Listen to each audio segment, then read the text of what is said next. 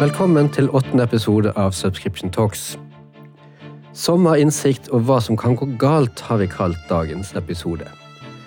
Vi i Subscribe har vært med på å utvikle mange abonnements- og medlemsbaserte produkter og tjenester. Og innsikt i kunder og markedet er grunnmuren for all utvikling. Uten at denne fasen av prosessen kjøres riktig, kan det bli både dyrt og dårlig å rette opp senere. Med meg i dag for å snakke om dette har jeg leder i Perseptor, Leif Henrik Husom, og medvert og kollega Nadia Storhaug. Perseptor jobber med å hjelpe kundene sine til å vokse gjennom å ta gode beslutninger basert på reell og anvendbar forbruker- og kundeinnsikt.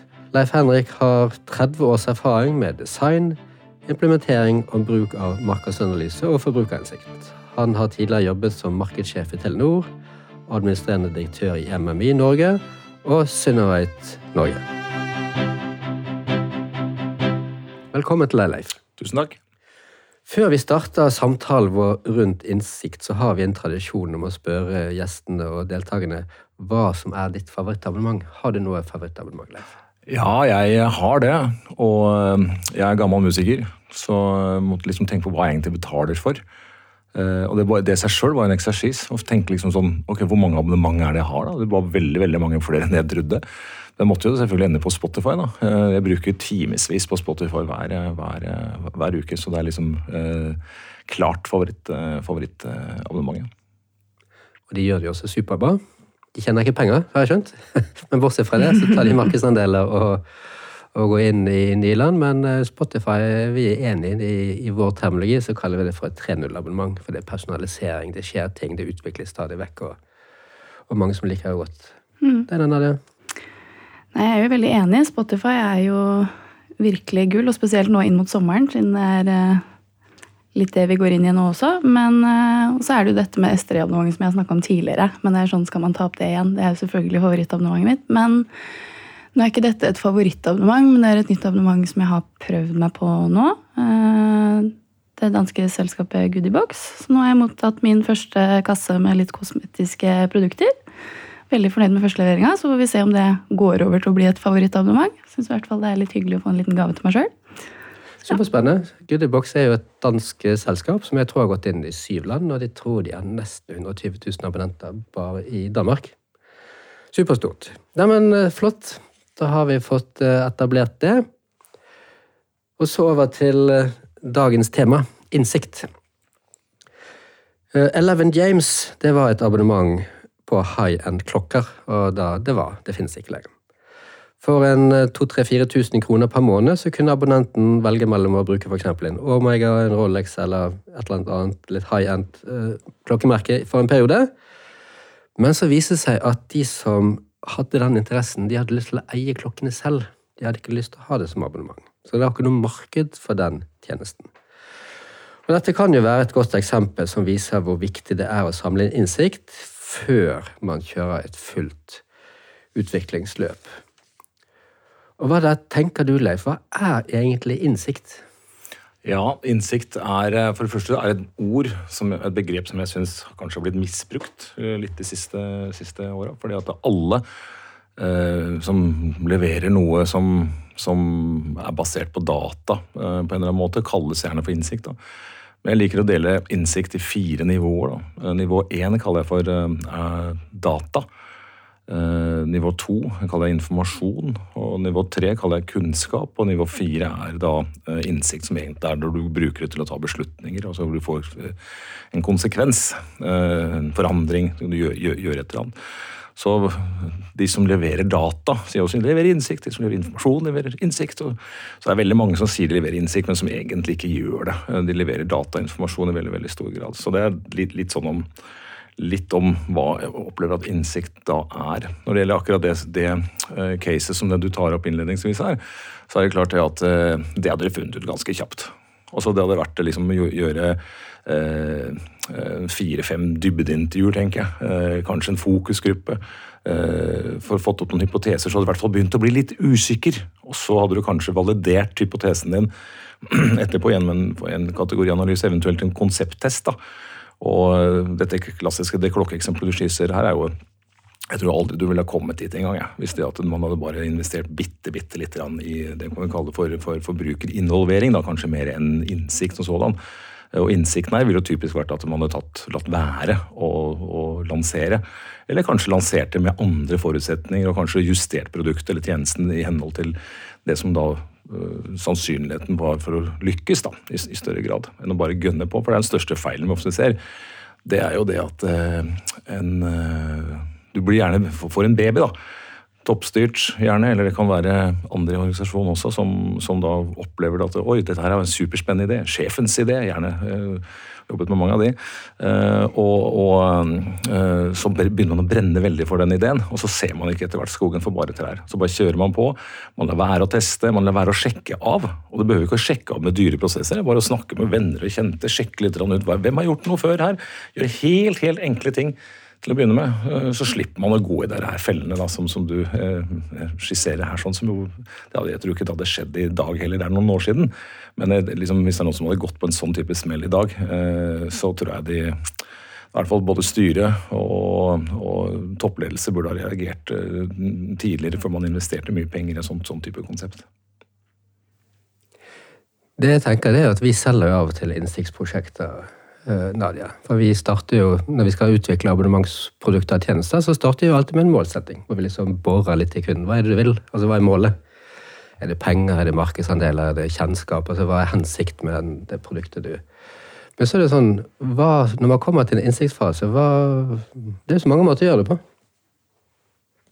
Altså, hva, hvordan begynner man? liksom? Er det e-postundersøkelser, er det samtaler, er det venner, er det consumer clinics? Er det, altså, hvilke, hvilke verktøy i verktøykassen starter man med? Ja, det første man må gjøre, er å finne ut hvor man vil. Det blir som, som uh, trollmannen i, i, Alice i, i Wonderland spiller jo spørsmål til Alice, eh, eller Alice spør spørsmål til trollmannen 'Hvor skal jeg gå?' Og så svarer, eh, svarer trollmannen 'Ja, hvor vil du?' Så sier Alice 'Det vet jeg ikke'. Hvorpå trollmannen svarer 'Da spiller det ingen rolle hvor du går'.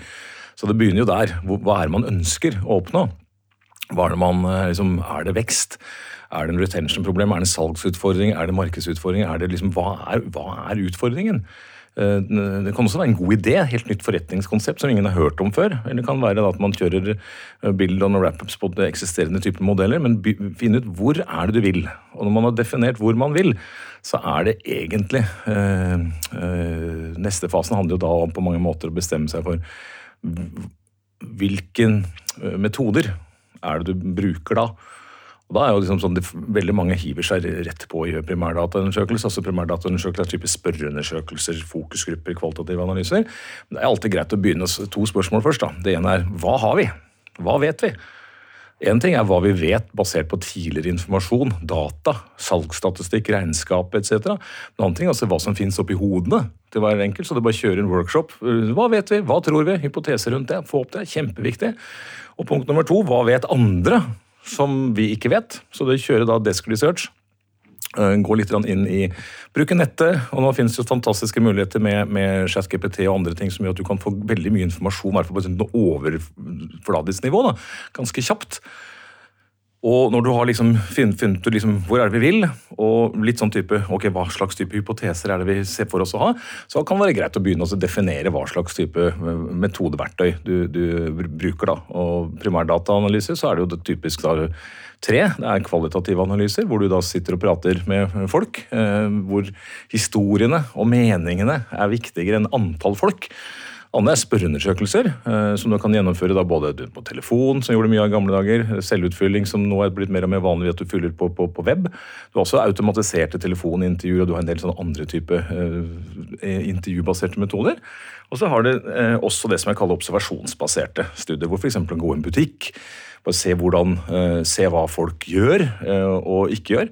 Bare tatt et eksempel. Det var en kunde jeg jobba med som skulle da lansere en pizza. Eh, altså det var en kjent kategori, på et nytt merke i pizzakategorien. Så var vi litt sånn usikre på om de skulle lansere dette. Så vi, lagde vi en, bare en fake papp. La i en, frossen, eh, i en, i en brønn, en frossenbrønn i en butikk.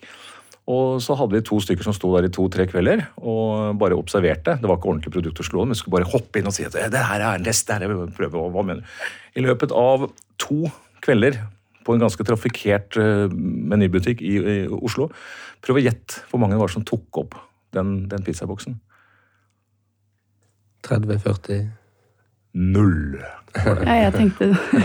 Null. Og da er det egentlig ikke noe vits i å begynne å investere penger i annen type research. Da får du bekrefta at hypotesen din kanskje ikke er helt god.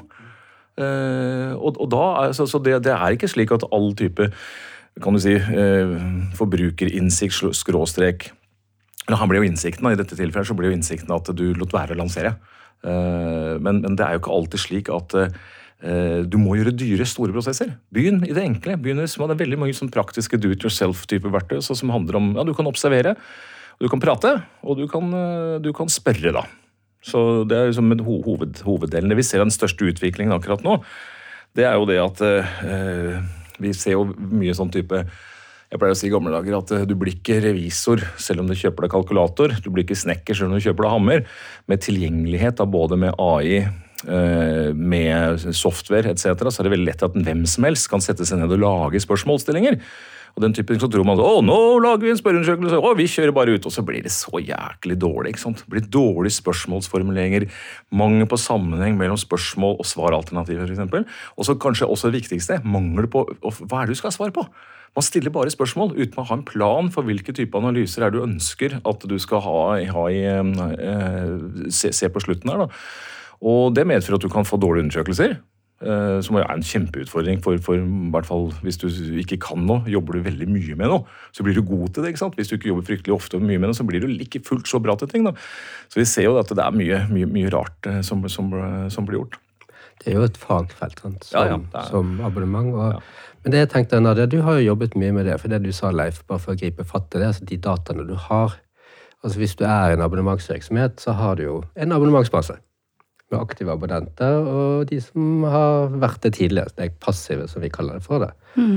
Og du har jobbet en del med det i forhold til å analysere altså, eksisterende data. da. Og det er vi enige, men det er mange som hopper litt over det. De sitter på tonnevis med i dette tilfellet transaksjonsdata, start og stopp og innbetalinger. og Det er så enkel data på en måte å kna sammen også. Der har vi jo jobba mye med dette med atferdsdata og liksom hva de faktisk gjør, da. Som er så enkelt å på en måte fatte aktiviteter ut fra. Um, Men jeg tenker uansett, når vi har snakka litt om AI og ChatGPT, jeg syns det er ganske interessant, det du tar inn der. Uh, Men jeg er også litt sånn nysgjerrig på, ser du på det som Si man bruker det inn eh, eh, som desk research, da, istedenfor å sette inn masse konsulenter til å liksom bruke flere dager på å samle inn informasjon.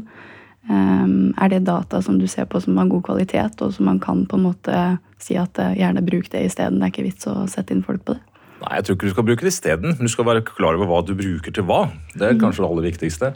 Eh, I hvert fall ChatGPT, som jeg har brukt en del sjøl også, er jo med på å effektivisere ting. Altså Du kan jo skrive bøker eh, altså bare med p- Piada Visvas-prat i løpet av ti minutter. Så kan du liksom skrive en bok om integrert markedskommunikasjon, om, om eh, abonnement, eh, whatever. sånn at det, er jo, Du må bruke, bruke fornuftig, men bruke f.eks. til å få liksom, hva- hva, skrives der ute? Eh, Hva snakkes det om? Hva gjøres? Det er klart Ulempen med ChatGPT som er i dag, altså etter 2021 så er det jo litt begrensa med data som, som finnes også. Så folk får ikke med seg alt av det siste. Men jeg syns jo det er jo Du bruker det liksom som alt annet. Hva skal du bruke det til? Og bruk det med omhu og, og kløkt. Så kan du effektivisere veldig veldig mye av hypotesegenereringsarbeidet. Og kanskje også være litt sånn, i hvert fall for konsulenttype virksomheter som bruker veldig veldig mye tid på, på nettopp på desk research, da, og, og leite rundt. At eh, den, de, arbe- de arbeidsoppgavene der kommer nok til å bli, om ikke borte, så kommer det til å bli annerledes. Så kanskje mer av arbeidet etter hvert blir at du må tenke gjennom ok, hva betyr dette? Så istedenfor at du bare samler inn data, så må du bruke mye mer tid på å tenke ja, hva betyr dette, hvilke strategiske muligheter finnes, hvilke begrensninger er det? Og da tror jeg også det er kjempeviktig etter hvert som den kompetansen da, som vi omgir oss med. Eh, Du må ha liksom kunnskap om hvordan du genererer og bruker data, men du må også ha erfaring knyttet til hvordan du kan tolke data. Så jeg tror liksom teknologi fra framskritt, supert på mange områder, men jeg tror det skal være liksom det, det er ikke Jeg blir ikke keiserens nye klær, for det blir jo ikke, men det blir liksom, vi må bruke det med omhu og med, mm. på kloke måter, og da vil det være en styrke. Og ikke minst medføre effektivitetsøkning eller forbedringer, men ikke minst i forhold til tid. Der du kanskje brukte, og tid er en mangelvare i næringslivet. ikke sant? Du har gjerne, ønsker gjerne at du først bestemmer deg for å gå, så burde du helst ha gått i går. Eh, men da blir det jo eh, Kan du spare liksom to til tre uker da, på en prosess, eh, så er det alle den type ting er kjempe, kjempeverdifulle. Jeg tenker det, Leif, Av og til så snakker vi ofte om innsikt i forbindelse med utvikling av nye produkter og tjenester.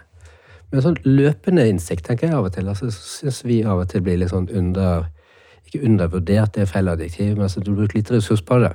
Så kommer til en abonnementsvirksomhet og spør vi hva er livstidsverdien på kundene dine. Mm.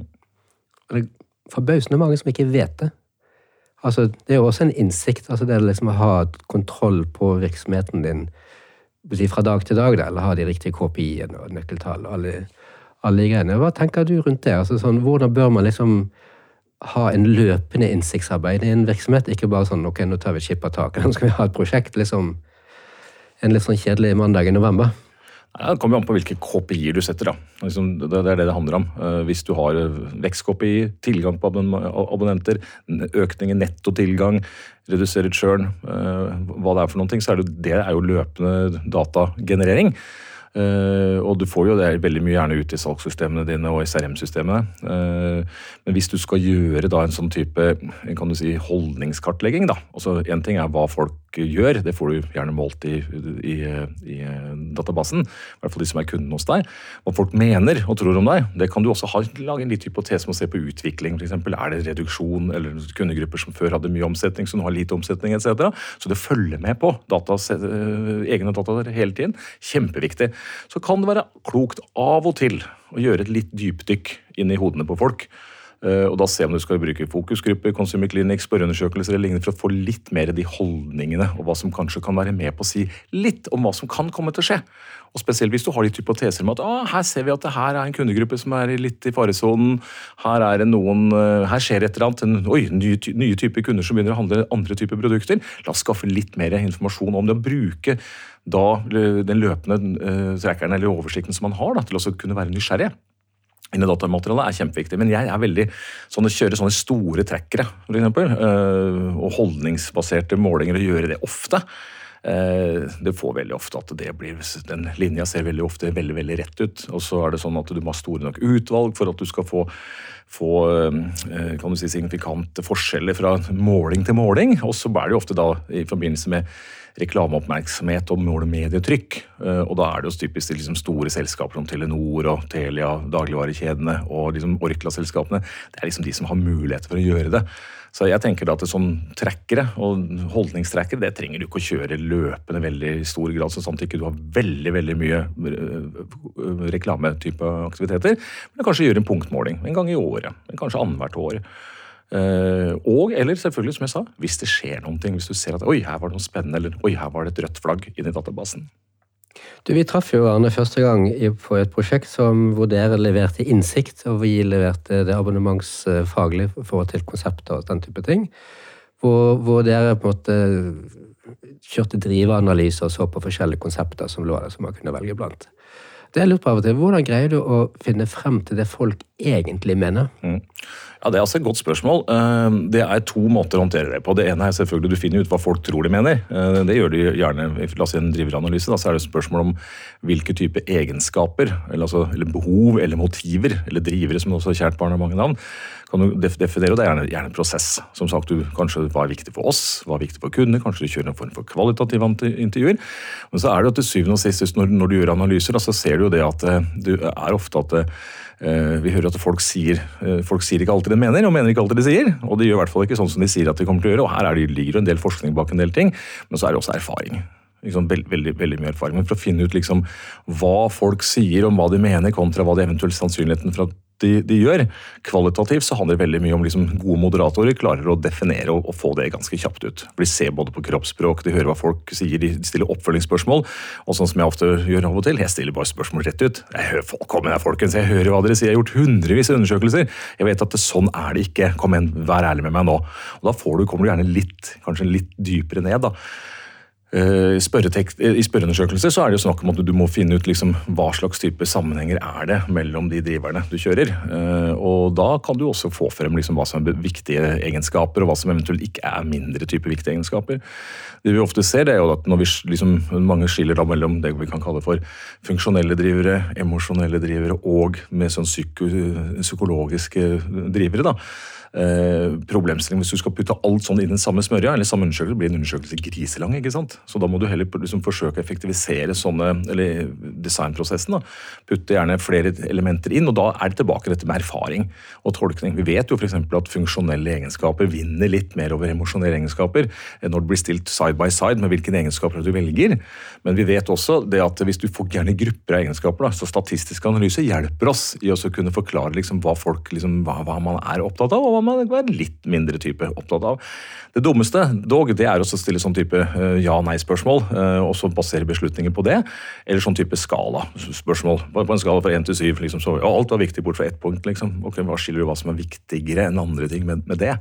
Så både spørremetode, analysene og selvfølgelig også den tolkningen, erfaringen som man legger til grunn, er viktig for oss å kunne skille mellom hva folk sier, kontra hva de, hva de faktisk mener.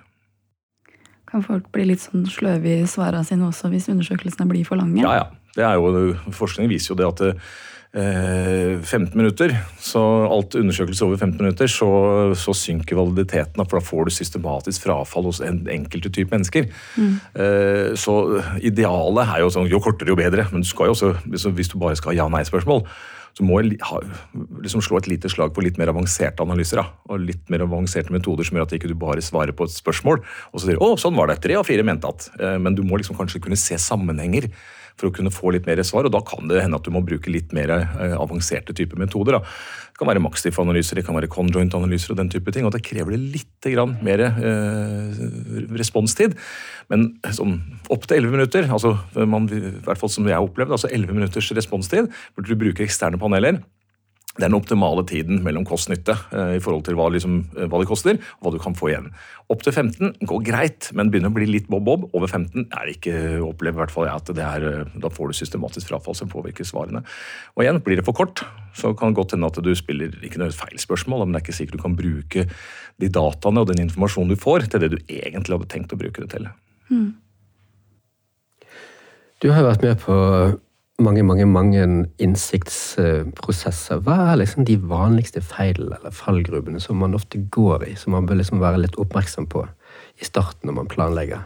Jeg har vært inne på et par av det. Dette at du blir forelska i din egen baby, er jo, er jo typisk eh, Kan jo være én, da.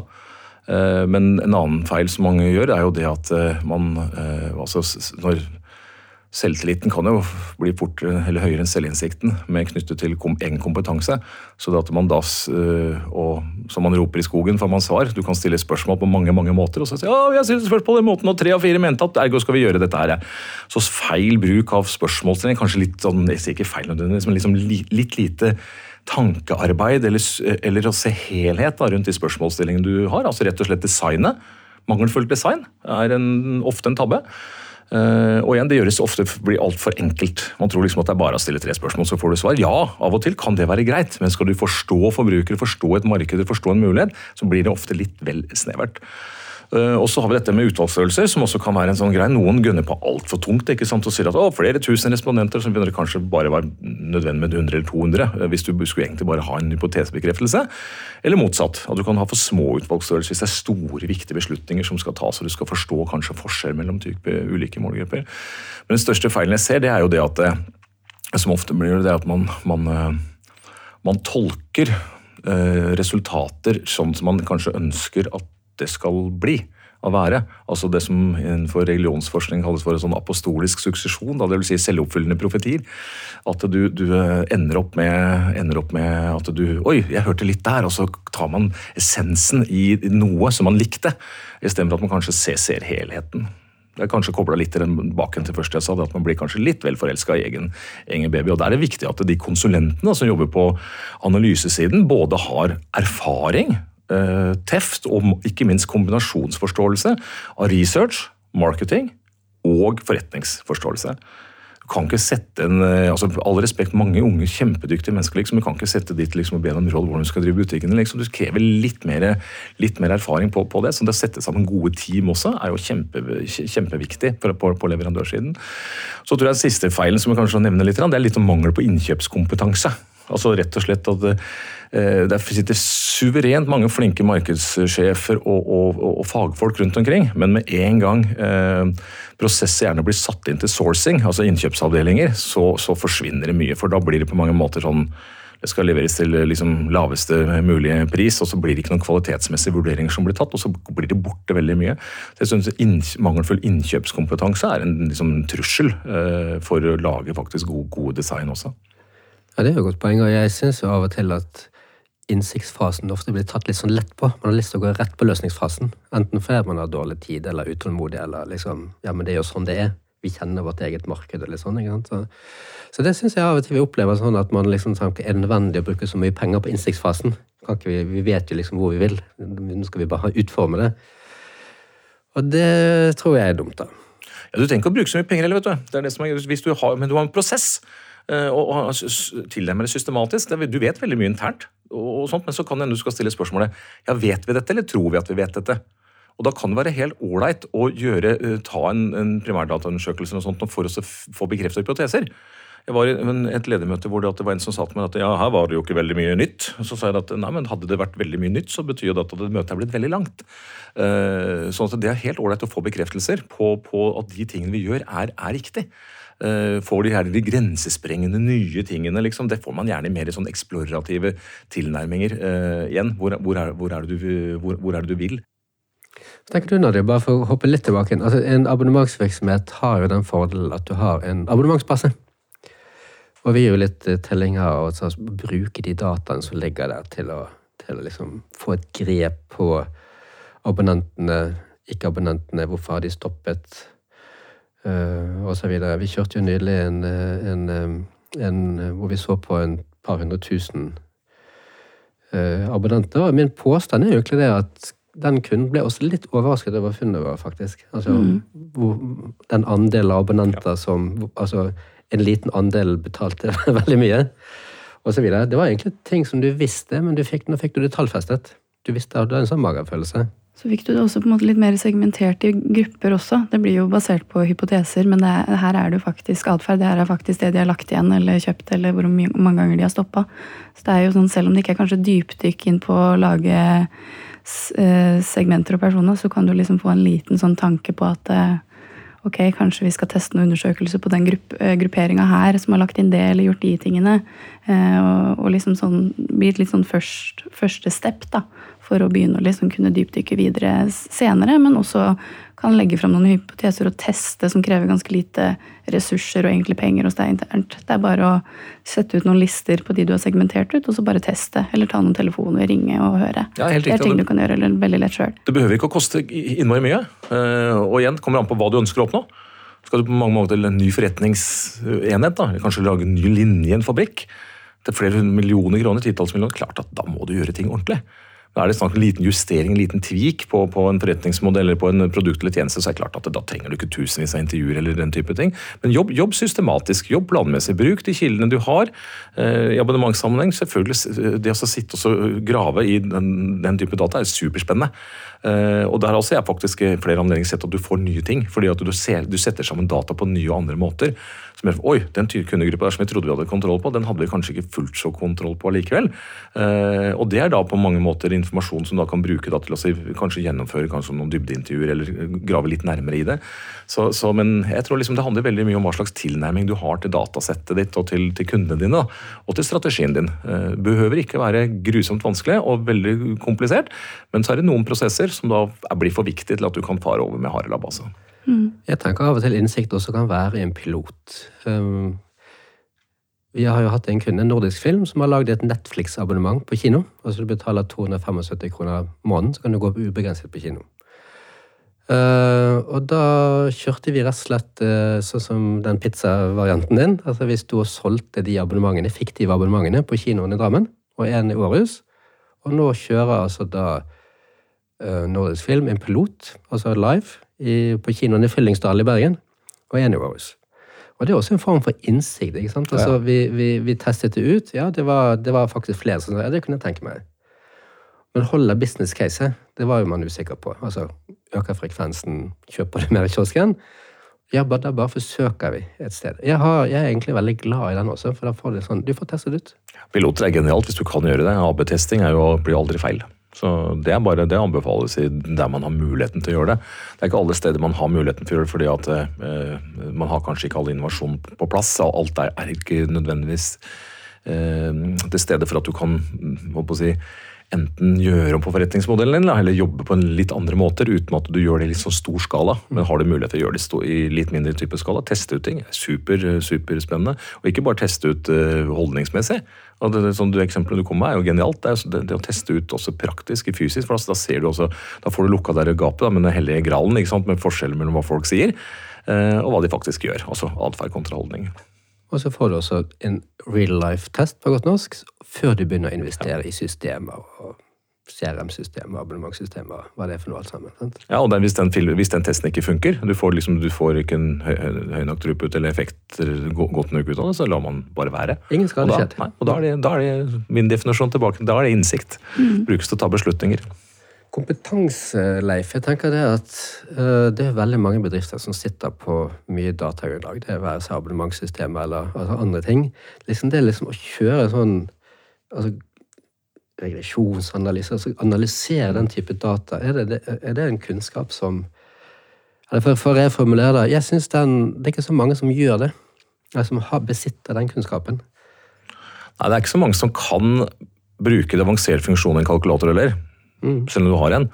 Og selv om du har en software, liksom, så er det ikke sikkert at du, vi bruker bare 4-5 av eh, Microsoft-softwaren som vi bruker. liksom. Resten er liksom enten spesialistsoftware eller noe som noen sitter og utvikler for at de skal ha jobb, og så tror de at de andre skal ha det. Så er det egentlig ikke det vi har, det vi, det, det vi har bruk for.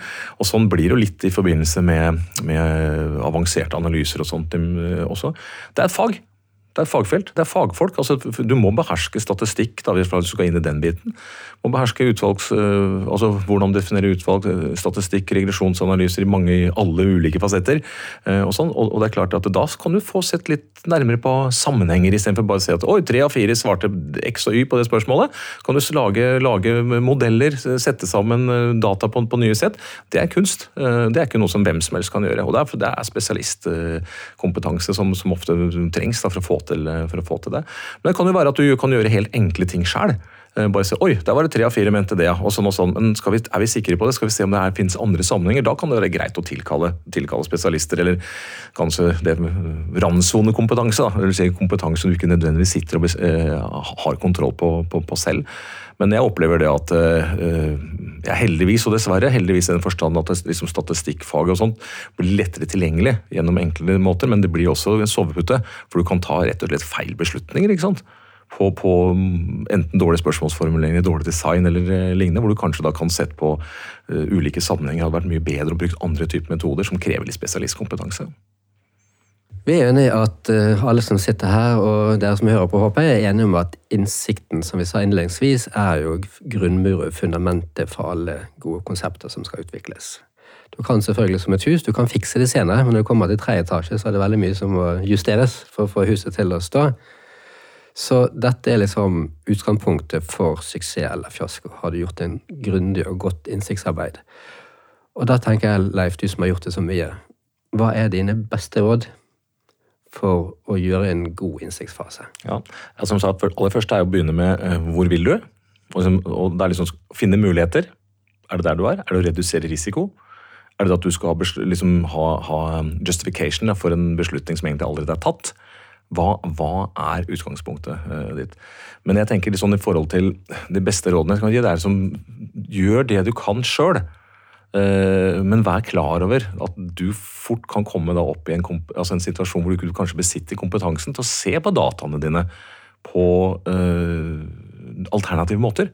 Uh, fordi at det kan være analysemetoder eller måter å, å tilnærme seg datamateriale som kan gi annen informasjon. Da, som kan være viktig for å skille seg ut eller gjøre, gjøre nye ting. Så jeg tenker, bruk de dataene du har, ordentlig. Eh, jobb systematisk, og når du ser ut at du skal gjøre, når du trenger å gjøre en form for primærdataundersøkelse eh, som er kvalitativt eller kvantitativt, prat med folk som kan det.